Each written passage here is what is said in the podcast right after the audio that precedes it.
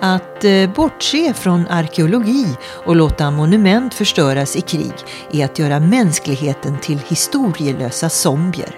Så följ med i jakten på historien med Sveriges egen Indiana Jones. Detta är Hjärntillskott med Lydia.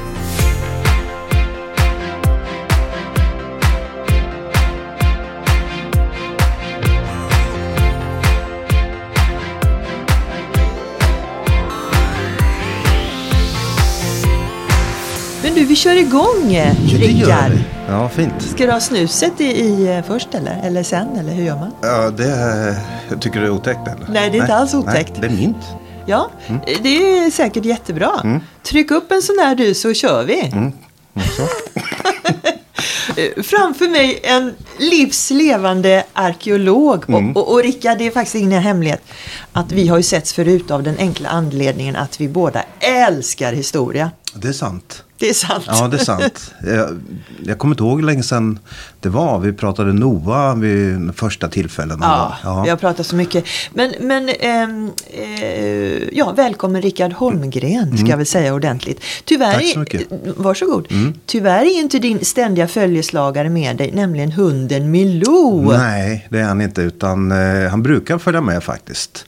Eh, men det är lite besvärligt sådär med hund eh, på olika ställen. Sådär. Men det har blivit ännu mer cementerat nu sen man har jobbat hemifrån och eh, hunden är med hela tiden. Va? Att Jag, skrattar för att jag tänker, hur jobbar en arkeolog hemifrån? Jo, men vi har plockat bort parketten nu. eh, har vi gjort. Och sen, nu är det bara isoleringen kvar. Sen kan man gå vidare.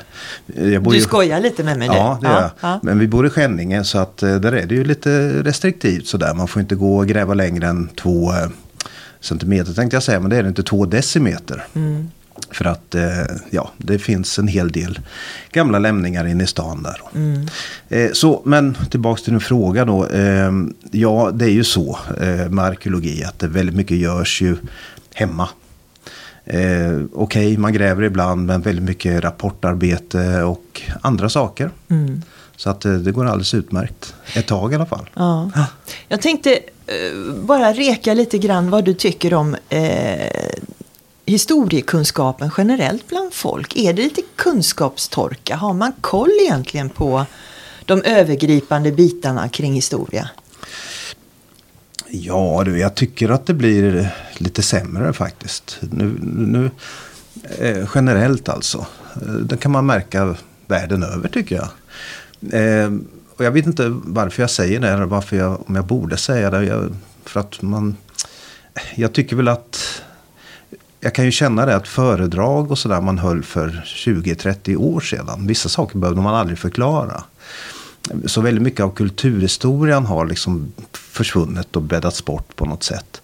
I och med att man har jobbat mycket i Mellanöstern så har det givetvis varit mycket biblisk historia och sådär. Och då eh, är det ju så att när man börjar en konversation, eh, förr i alla fall, så behövde man aldrig förklara Sodom och Gomorra och Moses och Aron och de här då.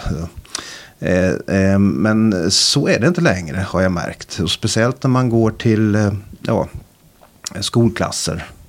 Från ja, mellanstadie, högstadie så är det väldigt ofta som man måste förklara sådana saker. Även symboliskt starka eh, saker som Sodom till exempel som alltid har haft en, ja, en, en, en, mångbottnad betydelse genom kulturhistorien. Noaks ark är ju lite mer, eh, mer känd kanske. Ja, egentligen inte alltså. Eh, utan eh, Noaks ark, det, det svävar som något fenomen för sig själv. Men om du ber någon att brodera ut där så, att säga, så är det väldigt liten kunskap skulle jag vilja säga. Har blivit i alla fall. Mm. Vi ska bena lite i dem i alla fall om de största mysterierna som jag vet du är speciellt förtjust i. Sen är du ju faktiskt högaktuell med en dokumentär som ligger på SVT Play. Mysteriet vid Djetlovpasset. Djatlovpasset. Djetlov. Djetlov, nu blir det lite Ja. göteborgska på det också. Ja, Djatlovpasset. Djetlovpasset. Eh, och, och, vad, vad är det? Ja, det är alltså ett, eh, det är ett gammalt ryskt mysterium. Eh, ett vanligt ämne som man tar upp i olika poddar till exempel. Eller dokumentärer har det väl varit. Kanske mer ja, skriftlig karaktär och böcker har skrivits mycket om det. Och Djatlopasset är det är Rysslands eh, motsvarighet till Kennedy-mordet. Det är en sån där grej som mal och mal i all evighet. Som ingen hittar en lösning på. Och det handlar om eh, nio ryska ungdomar som gick under i Sibirien eh, under en skidresa de gjorde där 1959. Eh, och de hittade med på eh, utspridda runt tältet. Det visade sig att de hade flytt från tältet. Eh, skurit upp det inifrån då som det verkar. Eh, och frusit ihjäl men även har andra skador, krossskador och vissa saknade ögon och tunga och så vidare. Vissa hade spår av radioaktivitet i kläderna och man har inte kunnat förklara det här fenomenet.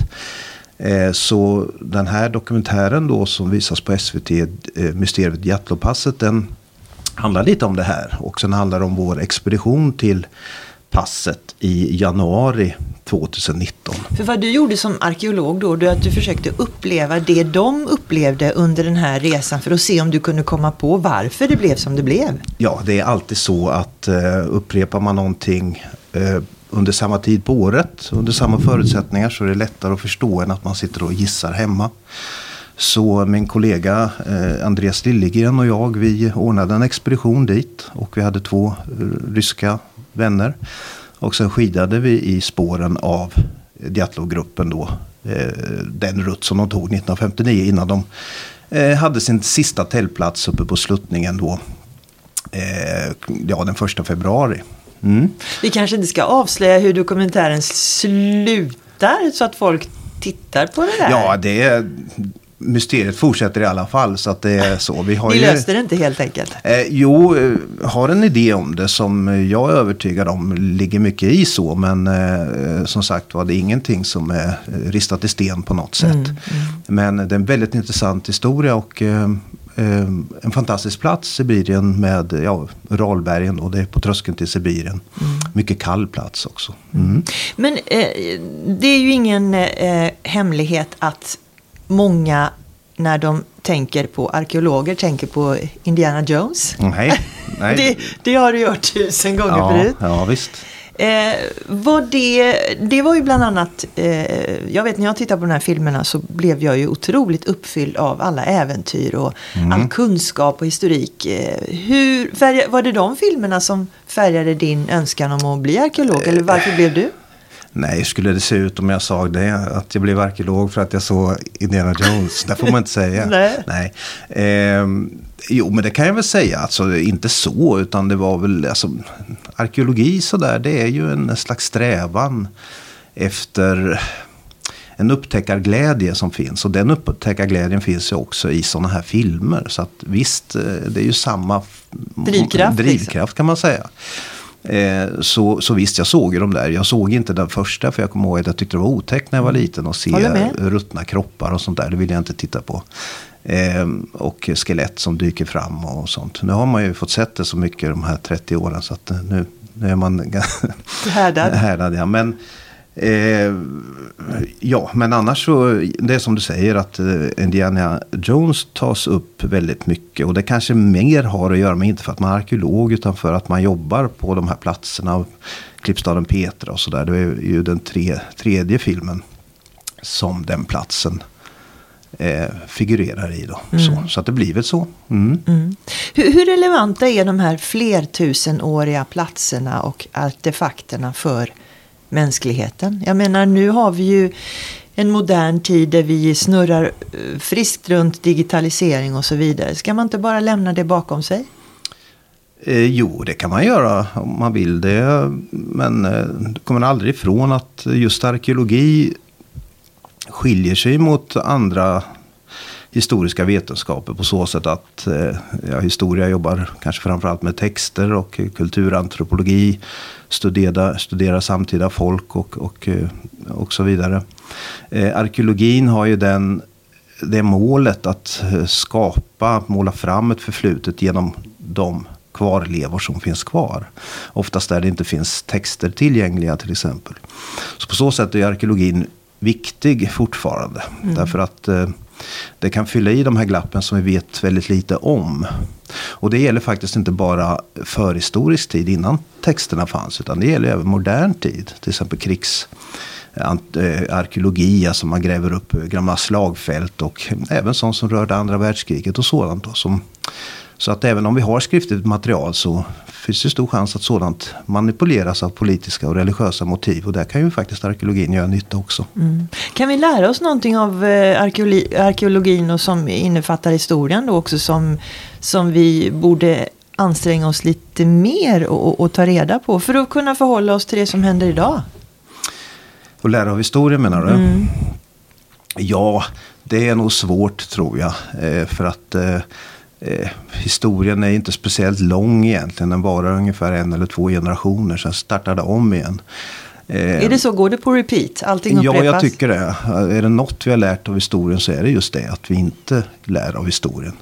Eh, med jämna mellanrum så står vi där igen inför ett, eh, ja, olika krig, olika storlek. Men även eh, olika former av maktövertagande då. Mm. Och det är väl det man kan lära av, av historien. Att vi att jag tror att varje gång det upprepas så tror vi inte våra ögon, vi tror inte våra sinnen. Vi tänker att det kan ju inte hända igen. Andra har ju ögonen på det här, liksom, det, det, det vet man ju. Vi har erfarenhet av det här. Men så fungerar ju inte maktövertagande på olika sätt. Där är man ju, det enda som kan rädda oss från sånt är att eh, förr eller senare så sker det ju ändå en, en, en konflikt även mellan de som vill ha makten. Och det är ungefär där det brukar sluta, att det börjar om från början igen. Mm. Men oftast väldigt smärtsamma eh, år eller decennier genom mänsklighetens historia på olika sätt. Mm. Nu har det ju varit, eh, eller nu, nu har det genom historien också varit väldigt mycket konflikter kring just eh, Mellanöstern. Eh, och det mm. pågår ju fortfarande. och, och mycket förstördes i samband med Syrienkriget och eh, fortfarande förstörs mycket. Mm. Vad, vad, vad gör det med oss som eh, människor att vi förlorar de här platserna? Ja, det första problemet är ju krigen i sig då och, eh, och det lidande det skapar. Men eh, eh, om vi ska koppla det till just arkeologin då eftersom eh, vi kan hålla oss kring det ämnet. Och så är det ju så att eh, det här är ju stora problem för länderna i Mellanöstern. Jag tänker på Jordanien som jag har jobbat i mycket. Men även Syrien och Irak och andra platser. Eh, det är så att till exempel Jordanien har ju starkt behov av, av turism till exempel. Jag vet inte hur mycket det är, om det är 22 procent av BNP eller något sånt där som står för turism. Och när eh, inte arkeologin får jobba vidare och man inte kan dokumentera och eh, göra sådant som turister normalt tittar på. Så är det ju givetvis ett problem för de här länderna på olika sätt. Då. Mm.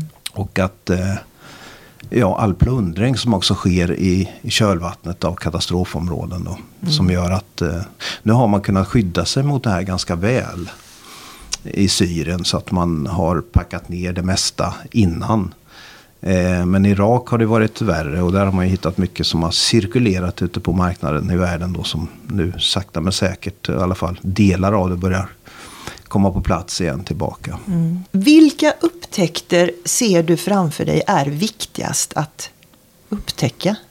Du menar eh, i, i fältarkeologin, eh, ja det är svårt att säga det är det för att eh, eh, normalt sett så är det, om man knyter an lite till det vi pratade om tidigare här, så är det ju så att det är ju viktigt att gräva fram och dokumentera en, en regions kulturhistoria för att förstå platsen bättre. Och även kunna koppla det till olika kulturella aktiviteter som pågår idag. Då, så att eh, man finner en relevans till sin historia och sin plats om man behöver det. Mm.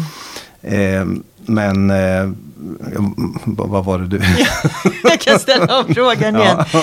Eh, så här då. Ja. Eh, du har ju enorm erfarenhet från fält. Vilka stunder har gett dig mest ja, gåshud? Ja, ja, ja. Eh, ja. Och det är så, ofta så får man ju, det vet jag ju om man gräver och det kommer fram eh, folk och ställer sig vid kanten och sådär. Så det är oftast en fråga. Vad gör ni, du? Ja, har ni hittat något guld då?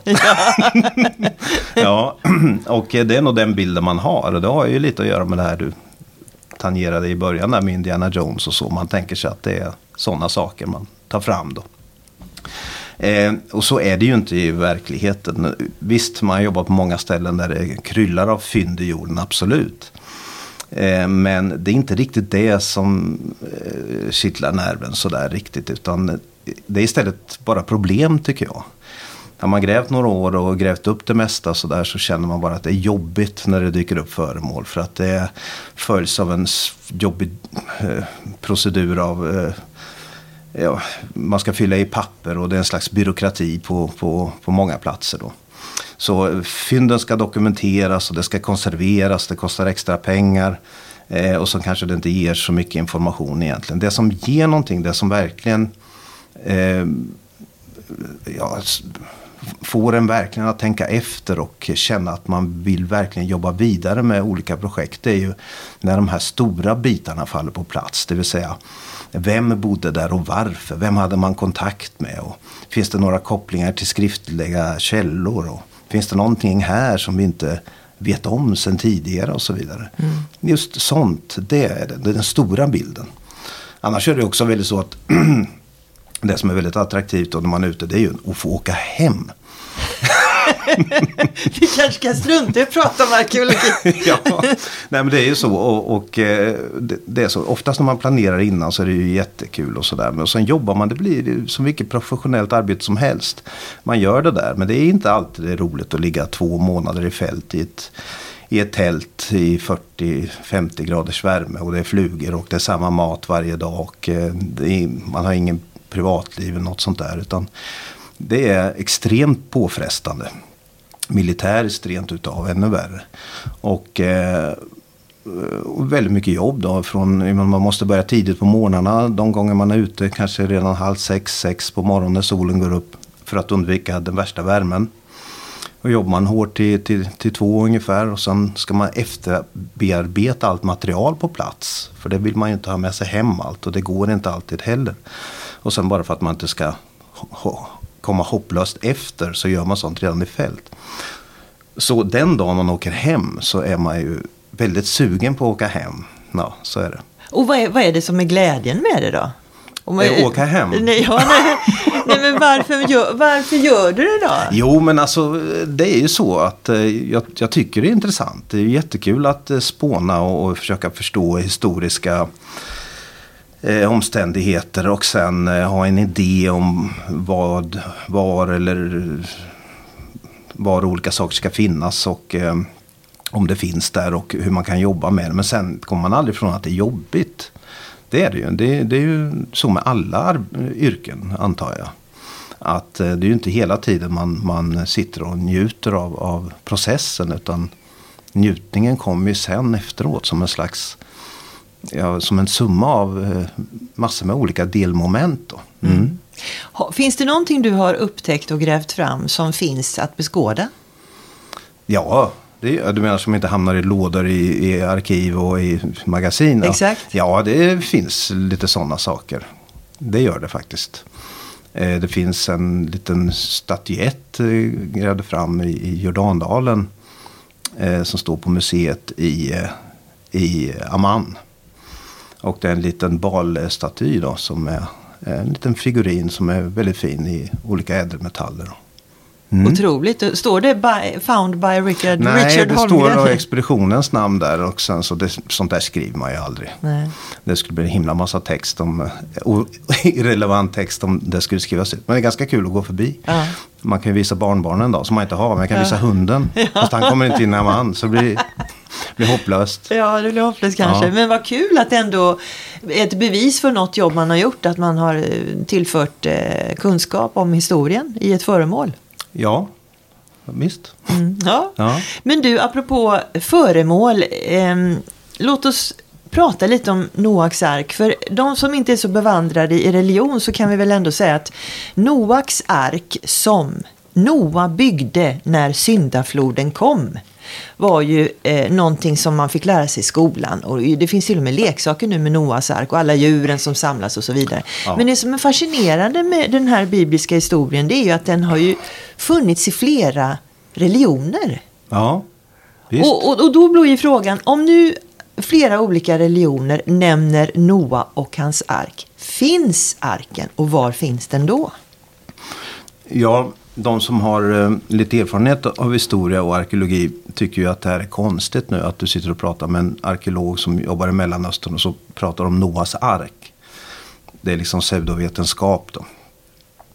Eh, därför att det är det stora problemet med eh, biblisk arkeologi. Att den har använts på ett väldigt ogynnsamt sätt för vetenskapen tidigare, ska vi säga. Inte nu idag, men det har varit så mycket 1800-talet, mycket av tidigt 1900-tal.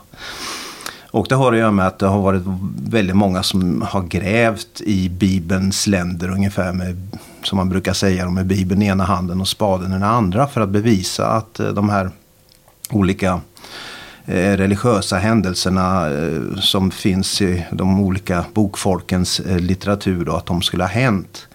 Och det är ju väldigt svårt att använda rent arkeologiskt som vetenskap. Men jag har jobbat lite med sådana här saker då. Och jag har jobbat lite med Noa, jag har jobbat med lite kring Moses och Aron.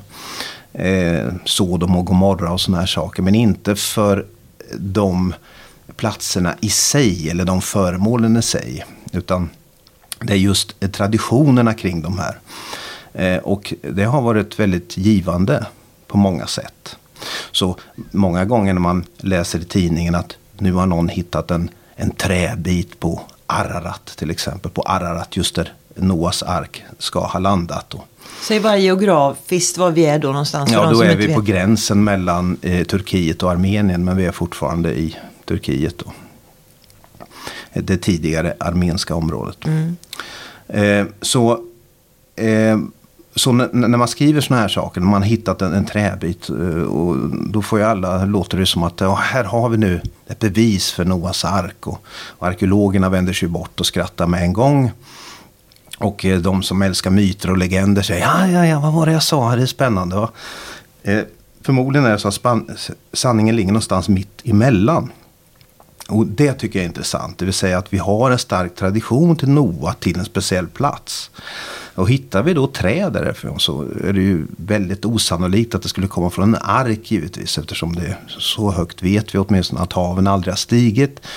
Och vi vet att de här eh, berättelserna från Gamla Testamentet exempelvis är, är ju sedelärande och de har inte liksom funktionen av att spegla någonting som kanske egentligen har hänt. Även om många tycker om att uh, luta sig mot den tanken. Så vad är det då för trä man har hittat? Ja, det kan vara trärester av någonting annat som har med det här att göra. Vi vet till exempel att det har försvunnit ett kloster på Araratsberg. Eh, Sankt Jakobs kloster som försvann så sent som för bara 170-180 år sedan. Och det var ett kloster som byggdes till ära för traditionen kring Noa, bland annat. Det var där den första reliken förvarades, det vill säga den enda träbiten vi har från Noas ark idag, som man säger är därifrån. Den fanns i det här klostret. Men den togs därifrån innan klostret förstördes. Och det här är ju jättespännande, så det innebär ju att arkeologiskt så kan vi hitta ett kloster där som kanske är 1700 år gammalt. Och som kan leda oss ännu längre bak i sökandet efter traditionen om Noa. Vad handlar det här om egentligen och så vidare. Mm. Men var det inte så att haven låg ganska högt upp för länge, länge sedan i, i, i de regionerna? Nej, inte vad jag vet. Vad tråkigt att dricka lite mer te bara för det. det, det Nej, men jag kan det, erkänna att jag hoppas lite Jo, jo men det har ju alltid fluktuerat, fluktuerat upp och ner och så, eh, absolut. Och av, av den orsaken så kan vi hitta eh, stenåldersbosättningar under vatten och så då. Men vi kan också hitta även på andra platser eh, gamla sjöbottnar där man kan hitta fiskeföremål sånt som idag ligger på land till exempel. Vi jobbar ju med Kristoffer Columbus skepp 1992 till exempel. Det är ett sånt bra exempel. Det var den här gamla fina eh, vita stranden som Ferdinando, Columbus son, beskrev när han kom till Jamaica. Eh, så beskrev han kritvit sand med kokospalmer och så vidare. Den finns ju inte kvar idag. Utan det är ju mangroveträsk idag. Så vi fick borra oss ner ungefär nästan fyra meter ner i, genom sanden för att hitta eh, Columbus vita strand. Så där har du ju en, ett exempel på någonting annat som sker då. Att eh, kusten flyttas ut helt enkelt. Mm. Nu, Så, nu pratar ja. vi om havsarkeologi nästan. Ja, det gör vi. Det har blivit mycket så med marinarkeologi kallar man det för. Och eh, mycket av marinarkeologin har ju fokuserat väldigt mycket på skepp på skeppskonstruktion och sådant. Men det finns ju faktiskt mycket typer av arkeologi som jobbar marint av andra, andra anledningar. För att hitta eh, ja, sjunkna boplatser och så. Så egentligen handlar det inte om att, att marinarkeologi är en gren för sig. Det är det ju i och för sig. Men det primära är, är ju här att man jobbar i ett annat element egentligen. Mm. Det är inget konstigare än att det råkar ligga under vatten istället för på land. Mm. Det kanske kommer finnas interplanetär arkeologi i framtiden. Om vi lyckas hitta något. Kanske. Vad spännande. Ja, ja, som exempel. Ja, som exempel. Ja. Men, men vad är det för myter och legender som du själv är nyfiken att gräva mer i? Eh, ja, det är mer i Noa-traditionen faktiskt, var den kommer ifrån. Och eh, den kommer ju ännu längre söderifrån, ner mot dagens eh, Irak till exempel. Där skulle jag vilja veta mer och sen jobbar jag ju med min kollega Anders Kalif. Vi har jobbat med Svenska Döda havsexpeditionen sedan 1995. Eh, och där fortsätter vi ju emellanåt när det finns pengar. Och där har vi hittat väldigt mycket då som vi, vi tror ju att vi har lokaliserat det gamla biskopssätet Sodoma då. Som en kristen plats, som ett biskopssäte eh, som byggdes alltså på eh, platsen där man tänkte sig att den bibliska staden Sodom låg en gång för länge sedan. Som gick under, under svavel och eld av, av Guds straff. Då. Så det här är ju spännande och det ser vi också att då kan man ju faktiskt gräva i Sodom och Gomorra. Men det är inte riktigt så som människor i regel tror. Men under den vägen så öppnar det massa andra spännande saker som till exempel kan förklara svavelregn och det kan förklara varför kulturerna där gick under helt plötsligt. Och vad var det som hände egentligen? Var det en jordbävning eller var det Guds hand som svepte över marken där nere? Finns det någonting av det här som, som eh, vi av tradition lär oss via eh, bibliska berättelser och så vidare som du tycker att vi borde känna till som vi har fått helt om bakfoten? Eh, ja. Oj, så snabbt! eh, ja, farliga saker. Och, och, det är ju så att eh, Ja, många har pratat om, eh, jag vet inte om man, om man kör runt lite på YouTube och så här så finns det ju många som pratar om att det skulle ha funnits Eh, utvecklade högkulturer långt innan vi tidigare räknade med det så att säga. Eh, som skulle kunna förklara traditionen om Atlantis och sådant. Men det finns ingenting som talar för det inom arkeologin. Därför att eh, för att en högkultur ska eh, blomma och sådär så är vi beroende av handel. Så det går liksom inte att hitta en plats bara utan man måste ha ett helt nätverk. Och det, det finns inte där i jorden helt enkelt.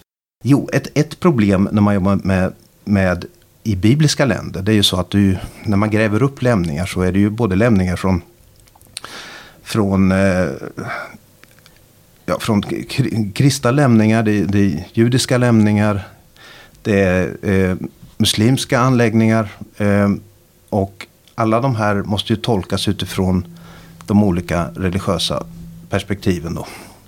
Och det har jag väl upptäckt att det är ett problem många gånger. Och det gör att det är väldigt eh, eldfängt sådär när man håller på. Därför att eh, väldigt mycket kan man användas just i religiösa eller politiska syften. Eh, man tolkar det som man vill helt enkelt. Och därför är det väldigt farligt när man skriver rapporter också. Man får vara väldigt försiktig hur man formulerar sig. Och därför är det väldigt bra att skriva väldigt inte så mycket tolkningar kanske. Att man lägger dem separat. Det viktiga när man gör en arkeologisk rapport där att man mer fokuserar då på, på bes, av beskrivande karaktär. Men man kommer aldrig ifrån att vad vi ser väldigt mycket i till exempel södra Jordanien det är det att när de hedniska templen börjar packas ihop och kristendomen kommer in på scenen. Då sker det runt 200-300-talet efter Kristus. Eh, vad man ser på många platser det är att man går över ifrån det som vi idag kallar för hednisk kultur med olika lokala eh, religionsutövningar.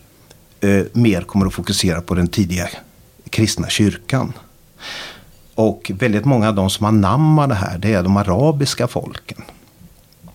Och det är någonting som jag vet idag att eh, det är svårt att prata om sådär men jag vet att det är många gånger så säger araberna själva den arabiska kulturen är ju väldigt mångfaldig givetvis. Men just när man tänker på araberna då som bodde i klippstaden Petra. Det var ju ett arabiskt folk. De hette nabatéerna.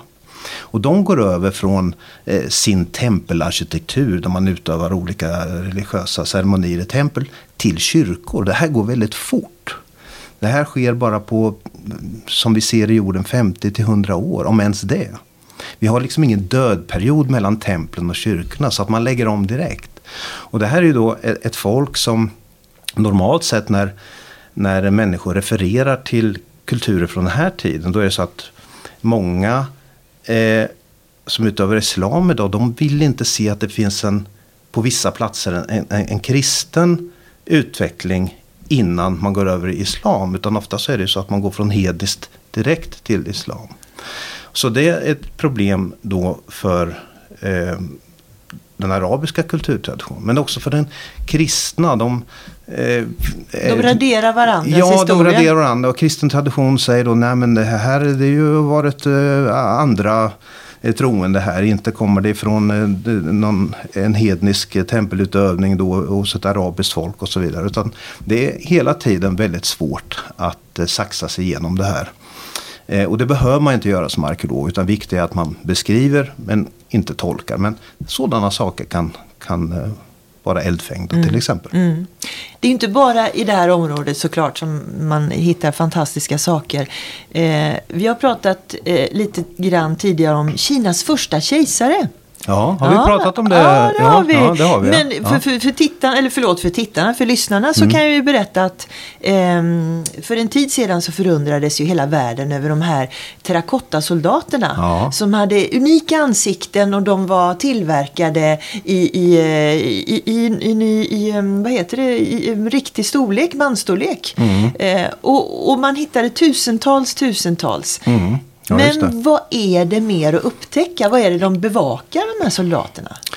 Eh, ja, det är ju en spännande historia i sig. Och det är väl kanske när du pratar om vad har vi att se fram emot eh, vad det gäller framtida arkeologiska upptäckter. Ja, det är ju massor naturligtvis vi har att se fram emot. Framförallt textmaterial och sådant. Men för den som tycker om eh, rikedomar och, och guld. Ja, de ska ju hålla ett öga på den här graven som du nämner. Och det är ju Kinas första kejsare, Qin Shi Huangdi. Och eh, det är som du säger, det är ju den här terrakottaarmén. Och vad många inte tänker på det är att terrakottaarmén kanske inte är så intressant i sig. Det är det ju naturligtvis, så får jag inte säga. Men man måste förstå att terrakottaarmén inte står där utan anledning. Utan alla de här tusentals soldaterna i normal storlek med riktiga vapen, med fantastiska armborst, med lansar, eh, pilbågar och annat. De vaktar kejsarens grav. Och kejsarens grav har man inte öppnat än. Men man har en, en eh, bra bild av hur den kan ha sett ut ifrån skriftliga källor och så. Om man nu ska tro dem. Vet man exakt var den är? Ja, det vet man. Man vet vad gravkullen är. Det är bara att graven ligger inte bara i kullen utan den ligger under det här kullen. Och det är ingen kull, det är nästan ett berg i miniatyr. Då, eh, av uppösta, uppöst jord. Och eh, där under någonstans ligger ju då en, säkert en av de största arkeologiska rariteterna kvar att gräva fram. Problemet är att man vet inte hur mycket som har kollapsat eh, av de här underjordiska palatsen då, där, där kejsaren ligger. Det finns miniatyrlandskap av eh, paviljonger och, och, sjöar och hav då som ska vara flytande kvicksilver som rör på sig. Då. Det finns också enligt traditionen Simakian som, som var eh, historiker eh, och eh, nämner den här kejsarens grav. Han beskriver också mm, att eh, man installerade stora lampor eh, oljelampor. Stora som eh, skulle innehålla olja så att det skulle kunna brinna i flera hundra år då förmodligen. Mm. Eh, men också fällor för de som gillar sådant. Från eh, Indiana Jones och liknande fil eh, filmer så vet vi att eh, oftast när man går in i en grav så finns det en hel del saker på vägen som kan stoppa en och de finns ju beskrivna i, i sammanhanget här också. Och det är självutlösande armborst och sådant som som väntar den som går ner där nere. Så Chin Chin Huangdis grav är förmodligen så nära en Indiana Jones-film vi ja. kan komma. ja, det, det, kan jag tänka mig. Ja. ja. Men är det inte en svår mm. balansgång också att gå in i eh, eh, platser som har varit stängda så länge. Vad händer när luften strömmar till? För det har man ju hört att, och det har man ju också sett naturligtvis i mm. olika sammanhang, mm. att det händer någonting med, med, med, det som är där när luften möter det här tusentals gamla Jo, det vet saker, jag själv. Liksom. Många gånger man har grävt fram ett halsband till exempel. Då kan man se hur tråden försvinner framför ögonen. Medan pärlorna ligger kvar så. Och så är det, det är en relevant fråga du tar upp där. Och det är just därför man inte har gått in i kejsarens grav. Eftersom man har ingen plan för hur man ska kunna gå in där utan att, att eh, materialet ska dekompostera just framför ögonen på det här sättet. Då. Så att det krävs en enorm, det kommer aldrig bli så att man går in i en grav. För förmodligen har delar kollapsat och att man måste gräva sig fram. Och just när man gör det så släpper man in syre som du säger. Och det gör att man har, måste ha en enorm beredskap för att ta hand om allt. Och det är frågan om det någonsin går att göra överhuvudtaget. Kan man inte använda robotik? Det kan man säkert göra. Men jag skulle tänka mig att eh, nu i dessa ja, utvecklingens dagar att det finns kanske metoder för att på något sätt eh, skapa sig en bild av hur det ser ut där nere innan man går ner. Mm. Med olika former av georadar eller andra saker som vi kanske inte ens har någon idé om. Men som kanske kommer genom några decennier. Mm, vi kanske kan koncentrera oss mer på att upptäcka det som är här på planeten snarare än bara universum. Ja, Ja, ja, ja, du menar så generellt? Ja, ja, absolut. Jag har aldrig förstått det där rymdhysterin. Så ska, Nej, det är klart, du är arkeolog. Fantastiskt. ja, eh, så att eh, nej, det, det, är ju, eh, det finns ju massor här att göra. Ja. Och jag tror att någon gång i en avlägsen framtid så kommer vi vara väldigt stolta över man kommer se upp till oss som bodde här på jorden. Så det måste ju ha varit hur häftigt som helst. Mm. Så det är lika bra att ta vara på det här nu. Mm. Mm.